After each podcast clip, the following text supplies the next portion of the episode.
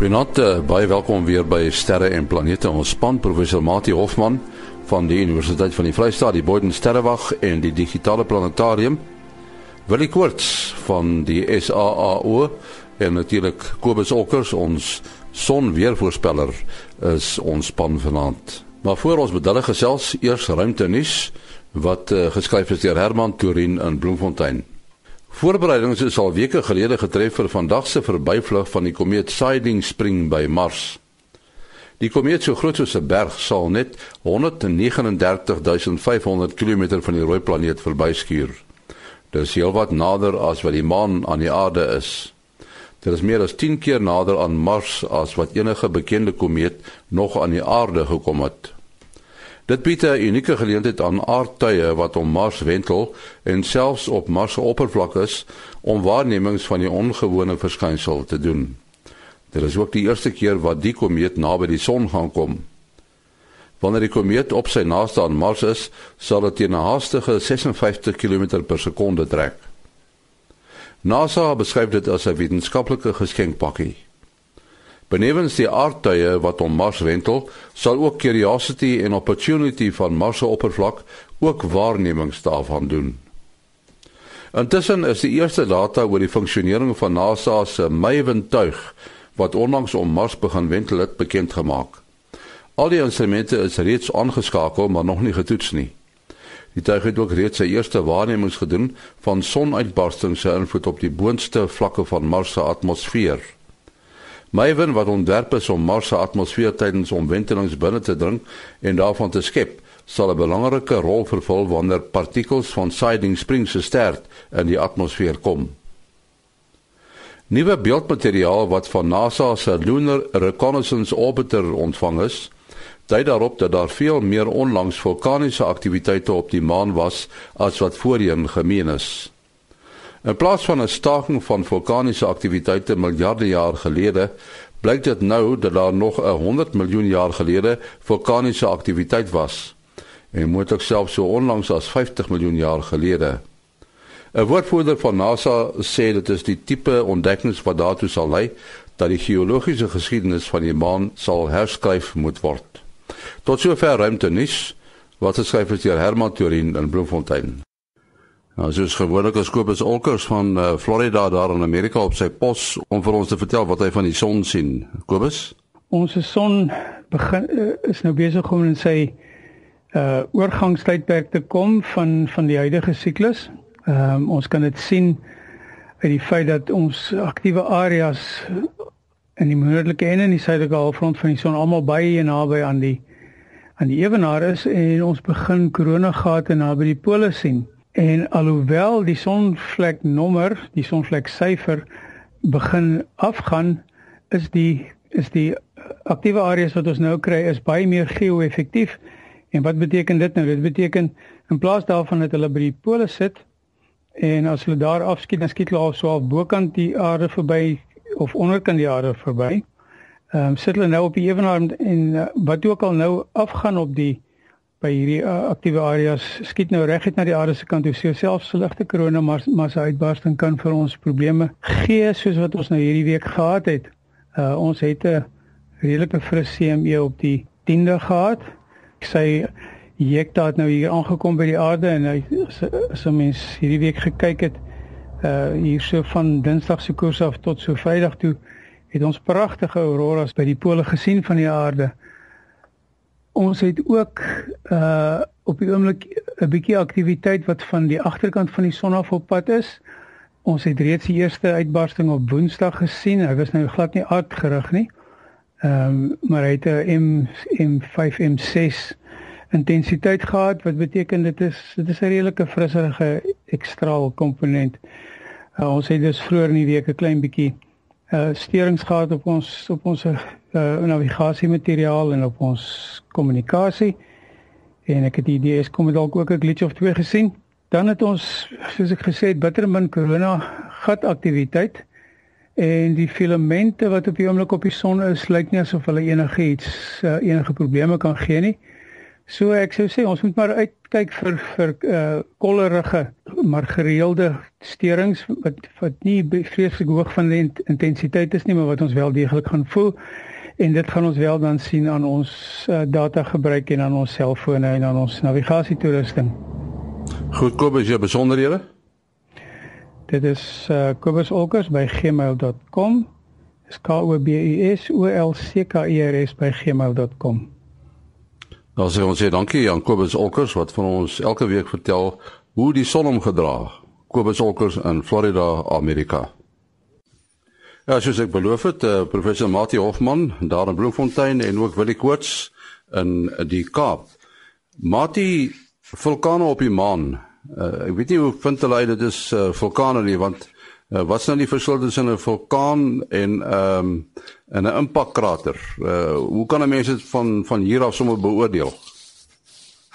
Uh ja, kyk die impakkraters maak 'n uh, as daar 'n impak is, het jy 'n gat met 'n uh, ons noem dit nou maar 'n krater, maar dit is 'n gat wat klein of groot kan wees en baie tipies het jy uh, in die middel van 'n krater het jy so 'n puntjie wat uitstaan en as 'n mens nou self 'n krater iewers in 'n sagte oppervlak gaan uh, skep hier so buite deur 'n klip te gooi dan kan mens nog 'n ander loë struktuur kyk. So die mense kan maar bietjie gaan kyk na fotos van kraters, dan het jy nou die die rande uh rondom uh en dan in die middel het jy daai struktuur. Nou as jy nou van lava vloei uh, praat, dan het jy nou iets wat uitkom.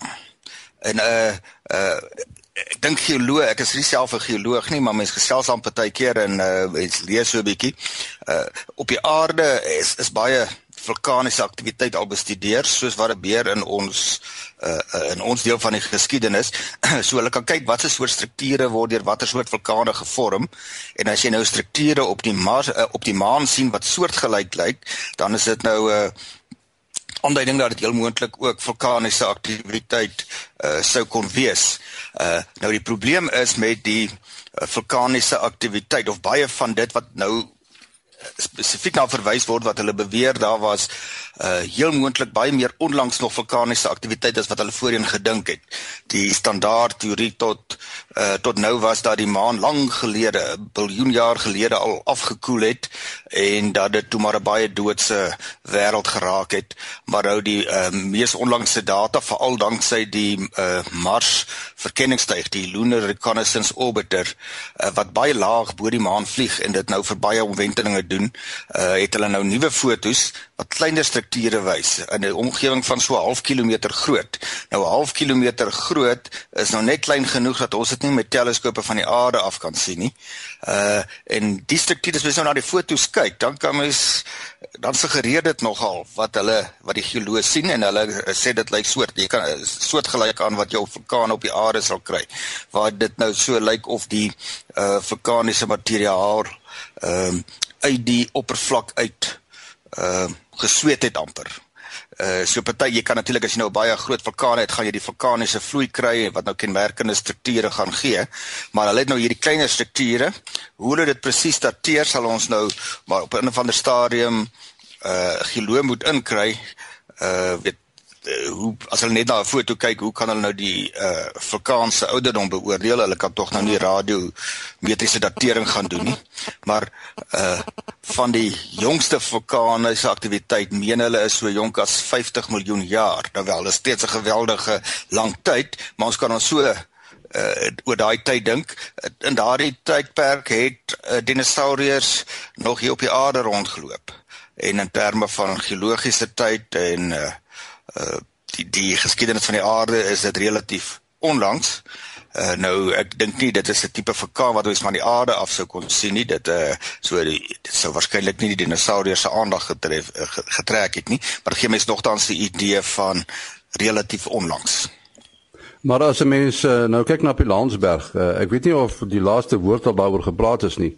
Uh, mense aanvaar nou dit is 'n vulkaniese uitbarsting, maar daar was op 'n kol was daar mense wat gesê het dit is moontlike impakkrater. Ek weet nie of jy nuwe inligting daaroor het nie, Willie. Ehm um, ja, nee, ek is ook nie heeltemal uh seker nie ek weet natuurlik wel die die die Vredefort uh, koepel het hulle uh natuurlik ontenseglik bewys dat die uh, jy kry daai tipe ge, uh, tipiese gebreekte trotsformasies in die in die in die in die Vredefort koepel en dit is ook natuurlik daai daai puntjie wat uitstaan wat wat Martin nou nou van gepraat het. So uh, ja, ek is nie 100% seker van Pilansberg self nie. Ek weet uh, by Sutherland is daar natuurlik ook 'n uh, vulkaan. Uh, dit is dan die mees suidelikste vulkaan. Uh, jy kan hom nogal mooi daar van die sterrewag af sien, uh, Salpeterkop wat ook nou ook nou 'n uitstulping was waar, waar dit uh, fisies bokant die die oppervlak uit uitgebreek het. Nou ek weet die die die ooste kant van Suid-Afrika is die die die vorming uh, van die bergreekse in die ooste en die en die en in die weste eintlik heeltemal verskil. Hier by die weste het jy nou die die Kaapse Vouberge wat as gevolg van die ehm um, kontinente wat uh, te mekaar gedruk het en dit opgestoot het nou in die in die ooste ehm uh, um, is dit Drakensberge en alles. Dit is uh, uh, natuurlik uh, hoofsaaklik gevorm deur uh, ook lava wat uitgeloop het. Op daai stadium was die sediment 'n uh, laag wat gevorm het in in in die sedimentasies was dit heel wat hoër en en toe jy die die vulkaniese aktiwiteit gekry wat uh toe nou uitgeloop het en intussen het die het die uh, uh die sagter gedeeltes natuurlik we, weggeërodeer wat vir ons dan die hoë bergreekse ken uh gee. So ehm um, ja ek weet nie of of maar jy dalk weet meer weet van van Pilansberg self nie. Ek is nie 100% seker daarvan hom nie die die ek is so 'n bietjie meer by die maan as met die aarde geplavel nie. Uh, maar maar uh, net om vir die luisteraars 'n bietjie gevoel te gee as mense nou dan die maan gaan kyk, uh, dan sien mense nou 'n bietjie struktuur op die maan. Ons sien daai donker dele wat ons van die suidelike halfrond vir ons kan voorstel. Ons sien 'n haas met uh, twee ore. So twee sulke lang ore en uh, nou die donker dele is die sogenaamde Maria. So jy het byvoorbeeld die dit is dit sal die Mare uh, Ibrium en uh, uh, Serenitatis en Tranquilitatis, as 'n hele paar, is altyd moeilik om die name te on, uh, te onthou. Nou in die ou tyd het hulle voorgestel dat dit dalk soos 'n uh, sees kon wees. Die woord mare kom van die Latyn vir 'n see. Maar uh uh vandat ons nou die maan met teleskope en ook met die ruimtetuig wat daar besoek afgelewer het van nader af kom bestudeer, het hulle geweet die Marais is vulkaniese vlaktes. So dis baie groot strukture, dis die laaglande en is donkerder in kleur terwyl die die die hoër dele is die ligter uh, materiaal. Maar daar is die ouer strukture wat nou uh sover hulle modelle strek en hulle kennis strek dan nou met die oer maan te doen het toe die wel kon sien nou maar 'n biljoen jaar plus gelede. Uh maar dit wat hulle nou bestudeer danksy die uh Marsverkenningstyd wat baie naby aan Mars wenk, wentel en dit dan nou vir 'n baie lang tydperk doen so hulle kan die hele oppervlak in fyn detail afneem dan na die fotos gaan kyk is kleiner strukture wat baie uh jonger lyk. En nou mense nou maar 'n bietjie na die fotos gaan kyk dan kan jy die foto vra vir 'n verklaring en uh En dis nou maar hulle verklaring en die die metodiek wat hulle van praat dat jy nou vergelyk met soortgelyke strukture op die aarde, die aarde is dan deeglik van naby naderby bestudeer en as jy die twee met mekaar in verband kan bring, dan kan jy seker intelligente afleidings maak oor waarna kyk jy. Wil jy die die, die sal Peterkop eh, wat jy van praat daar naby Sutherland, is dit werklik 'n vulkaan? Ja, ja, dit is dit is dit is werklik 'n vulkaan daar daar was op 'n polemiek gewees of ehm um, wat ons daar so sien dat jy sien natuurlik nie 'n krater nie, jy sien net hierdie hierdie spitskoppie en ehm um, dan daar's natuurlik al heelwat geboor daar. Daar's iets soos 100 boorgate gesink in die omgewing en en op die koppie self en uh hulle kan daai uh al die tipiese goed wat met vulkane uh te doen het kan hulle sien soos wat die rots gesmelt het en jy kan uh verbrokkeling sien van die omgewing wat die goed stoot mos nou uit en en breek basies deur na die oppervlak toe. En en daar's nou nie 'n krater nie en en die krater sou heelwat hoër gewees het laat ons hierso eintlik onder in die maag van die van die van die van die uh uh verfriewende berg uh, kyk wat soos wat dit nou afgeërodeer het. En uh laaste het ek gesien nee hulle dit is nogal heelwat heelwat nader aan die aan die oppervlak gewees is as wat hulle gedink het. En uh natuurlik uh, dit is 'n baie soortgelyke struktuur wat 'n uh, kimberliet ek ek, ek is nou nie ook, ook weer eens nie geoloog nie, maar ek verbeel my aan dit is 'n kimberlite struktuur. En en en ons weet dat in kimberlite strukture kry ons uh, diamante in in Kimberley se omgewing natuurlik en so aan waar die groot gat is mos nou juis een van hierdie wat die mense uitgegrawe tot tot dat ehm um, al agter die diamante aan en dan kry jy natuurlik dat, dat die die uh uh, diamante het gevorm in in hierdie pyp soos wat hy opgestoot het. Ehm um, so daar is natuurlik heelwat uh, eksplorasiewerk gedoen daarso, maar is natuurlik geen geen diamante gevind nie.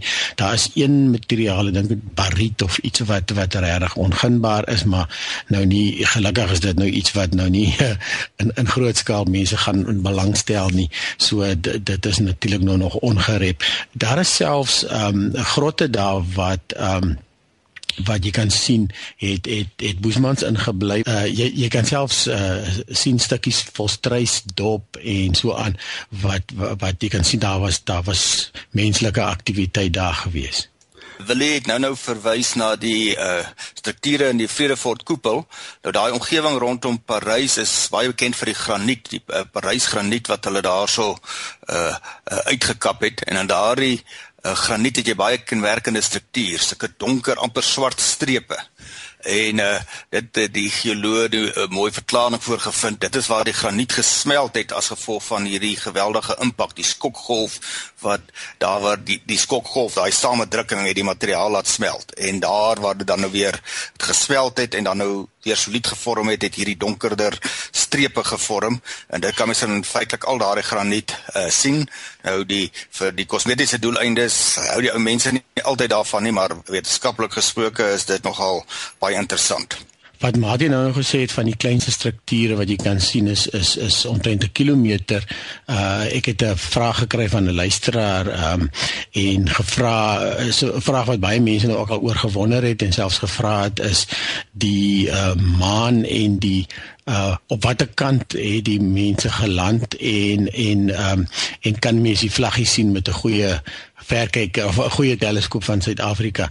Nou uh natuurlik al die maanlandings was aan die aan die aarde kant van die maan gewees en en meeste van hulle was in juis in hierdie Maya hierdie hierdie hierdie uh, gladde gedeeltes. Ek ek kan nooit vergeet of dit 1000 meter of 100 meter. Ek het vir hom gesê 100 meter so as hy luister moet hy dit net korrigeer. Dis eintlik die kleinste ding wat jy van die aarde af kan sien. Al mag jy sê hoe goed jou teleskoop nie is omtrent 'n kilometer in deursnee. So die vlaggie was definitief nie 'n kilometer groot nie. So jy kan hom nie sien van die aarde af nie. Ja, dis hoekom ek nou sê hierdie strukture wat ongeveer 500 meter groot is, is net net te klein om dan nou van die aarde af te kan sien en te kan bestudeer. Nou goed, Mati, kom ons spring na die rooi planeet toe. Ek dink uh, daarby die plek waar Japie van Sail werk, die Jet Propulsion Laboratory, is jy ons nogal tamelik opgewonde. Ek dink 'n bietjie later uh, um, vandag hier by ons is dit nou nag, maar uh, in in Amerika is dit nou in die middel van die dag. Die komeet Siding Spring die gaan nou baie naby aan, aan Mars verbykom en, en daai karretjies moet nou foto's neem, nê? Nee. Uh ja, hulle het 'n hele paar instrumente net daar by die maan nie, maar ook uh, elders wat een of ander bydrae gaan maak tot die uh, waarneming van die komeet. Uh wat nou interessant is is nou uh hulle weet nou eerstens hy gaan op sy naaste relatiewe klein afstand vanaf Mars wees is uh, ongeveer 141000 km. Uh by wyse van vergelyking, dit is minder as die helfte die afstand tussen die aarde en die maan. So nou kan jy voorstel so 'n voorwerp wat so naby aan die planeet verbygaan. So as jy nou na die paaie op die sterkaarte kyk, dan sien jy nou hulle pyl nou op mekaar af en as daar 'n kruispunt en daardie kruispunt is daarso uh baie naby aan die tussen die uh twee konstellasies uh die Skorpioen en Sagittarius so dis basies ontrent ja dis in die in die Melkweg. Mars het nou in sy beweging relatief tot die sterrehemel het hy nou die Melkweg se band binne gegaan en hy gaan in die volgende uh week of 2 gaan hy nou deur die Melkweg beweeg en nou kruis sy pad uh die komeet Siding Spring. En dit lyk net of hulle bymekaar is nie in afstand is hulle dan ook feitelik dieselfde afstand. En uh, nou weet ons 'n komeet het 'n uh, koma om hom en hy het in sy stert het hy nou materiaal wat uitgewerp is. En die vraag is nou wat gaan gebeur met uh hierdie materiaal as dit nou teen 'n hoë spoed en as mens van relatiewe snelhede praat tussen hemelliggame, uh dit ver, verskil natuurlik van geval tot geval. In hierdie geval is dit uh hierdie omgewing van 50 km per sekonde. Baie dieselfde as die uh klein ruimteafvalstukkies wat dan vir ons die meteore gee. Dit is 'n spoed relatief tot die aarde. So 50 km per sekonde en nou is die vraag wat gaan gebeur? Uh gaan daardie tye wat nou daar fotos kan neem van Mars af gaan hulle meteore sien.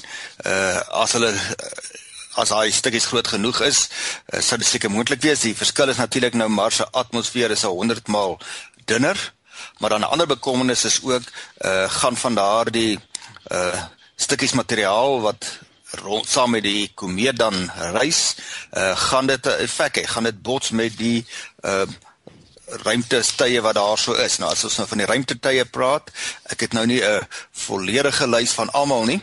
Uh maar ons kan byvoorbeeld uh noem die die die Mars verkenningstuig, Mars Reconnaissance Orbiter, Mars uh, Odyssey, daar's die uh, Mars Express, daar's Maven wat nou onlangs daar aangekom uh, het. Ek sien nou nie dat hulle die die Indiese tuig wat on, onlangs daar aangekom het ook op die lys sit nie. Maar dan's hier 'n hele lys ander uh ruimteteleskope wat ook gaan waarnemings doen. Dit Spitzer wat in die infrarooi waarneem en uh, Swift wat in ekstrale waarneem, uh, die Hubble teleskoop self. So dis nou 'n 'n soos ges, soos hulle sê 'n wetenskaplike geskenkpakkie dat ja nou so naby ontmoeting tussen 'n planeet met 'n atmosfeer hoewel dun en 'n komeet met sy koma en sy stert is. Ja, mens uh, wonder nou net hierdie komeet, uh, Siding Spring, is hy enigstens van die aarde af sigbaar?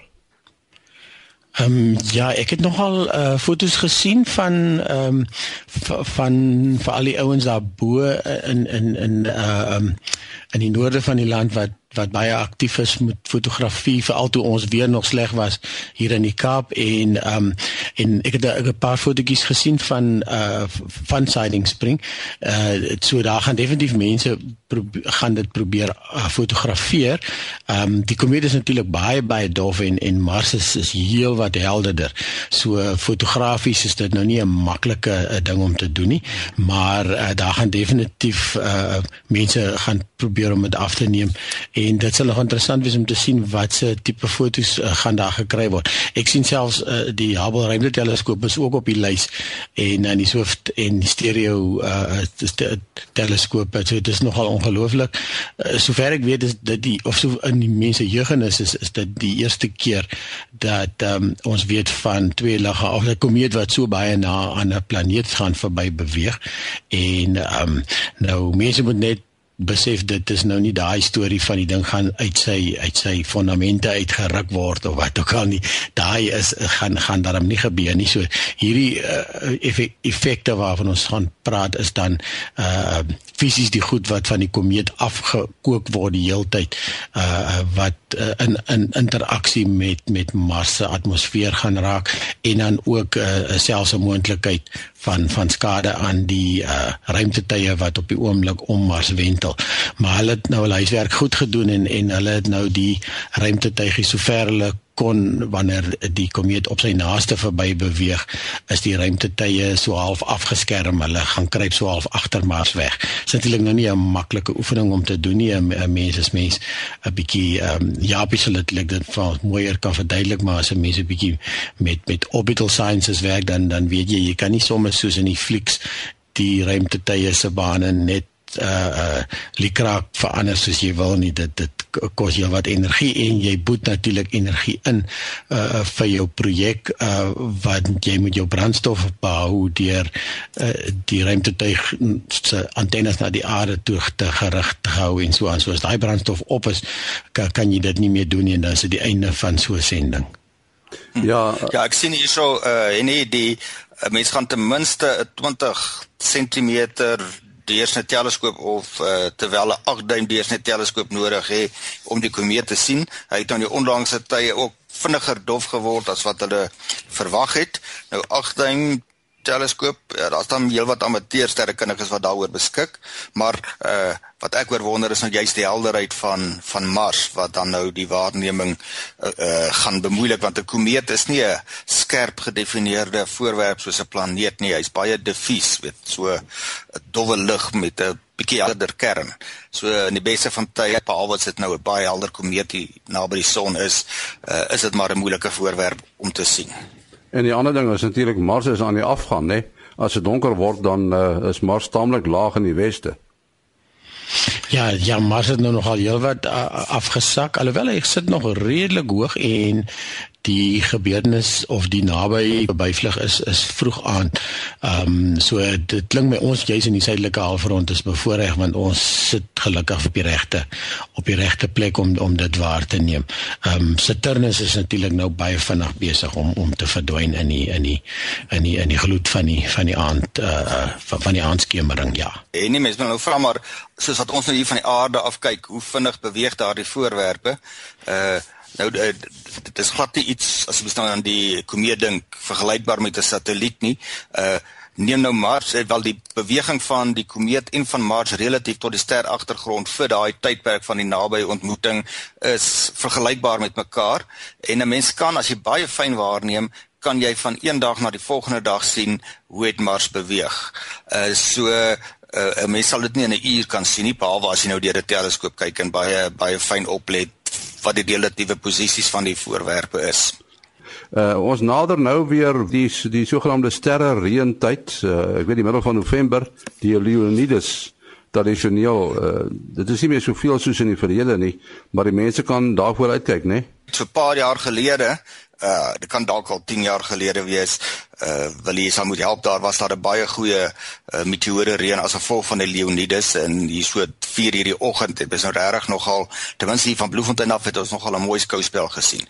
Wat jy maar kon opkyk in elke uh minuut of twee het jy meteoor of twee gesien met 'n paar vuurballe. Maar dis die enigste een wat ek nog in my lewe tyd gesien het wat nou regtig 'n skouspel was. Die ander kan jy nou verwag om nou sê nou maar 'n uh, dowwe meteoor so een keer 'n paar minute te sien. Die tipiese gemiddelde meteore reën En dan hang dit nou ook af wat die fase van die maan is. Is die maan in die lug wat dit dan nou baie minder opmerklik maak as wat jy nou gelukkig is om dit tydens uh, amper nuwe maan te tref. Ja, ek het dit nou juis hier opgekyk in die Sterrekundiges Vereniging se jaarboekie die Sky Guide en uh, die 17 November, dis reg en die toestande wys hulle hier as unfavorable. Uh en ek het juis gekyk die maan is dan net op laaste kwartier. So dit wil sê die maan is dan op want jy ja. moet nou vroeg in die oggend kyk so tussen 3 uur en 4 uur. So die maan is eintlik nou maar die groot die groot probeer probleem hierso. Ehm um, en uh ja, ek sien die die die tempo want uh, hulle het nou redelik al die komeet se baan bepaal. Waar lê die uh, rommel meer party plek hulle het meer dig as ander. En dis eintlik nou die rommel van die komeet wat uh, agtergelaat is in sy baan wat die sterrereën veroorsaak. En ek sien die verwagte um, tempo is maar tussen 5 na 10 uh per uur.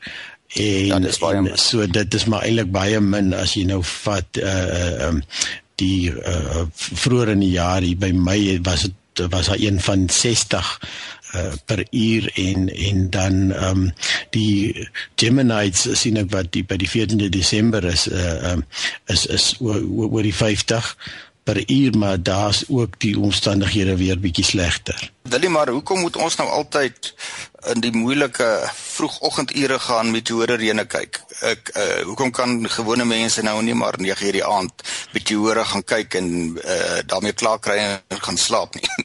Ja, dis nog al die probleem. So dit dit is of jy sit jy op die voorbuffer of die agterbuffer van die voertuig om die torre te vang. So as jy op die voorbuffer sit, gaan jy meer kry en na middernag sit ons op die voorbuffer en daarom sien ons meer verskillende sterre na middernag as voor.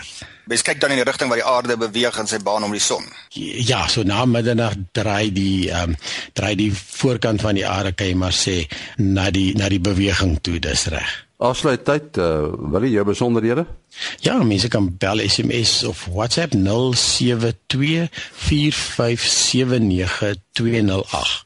0724579208. En dan Mati 0836257154 0836257154 My uh, e-pos adres is maas.henny@gmail.com maas.henny@gmail.com Dankie aan uh, Mati Hofman en Willie Koorts Volgende week maak ons weer so. Tot dan. Dag.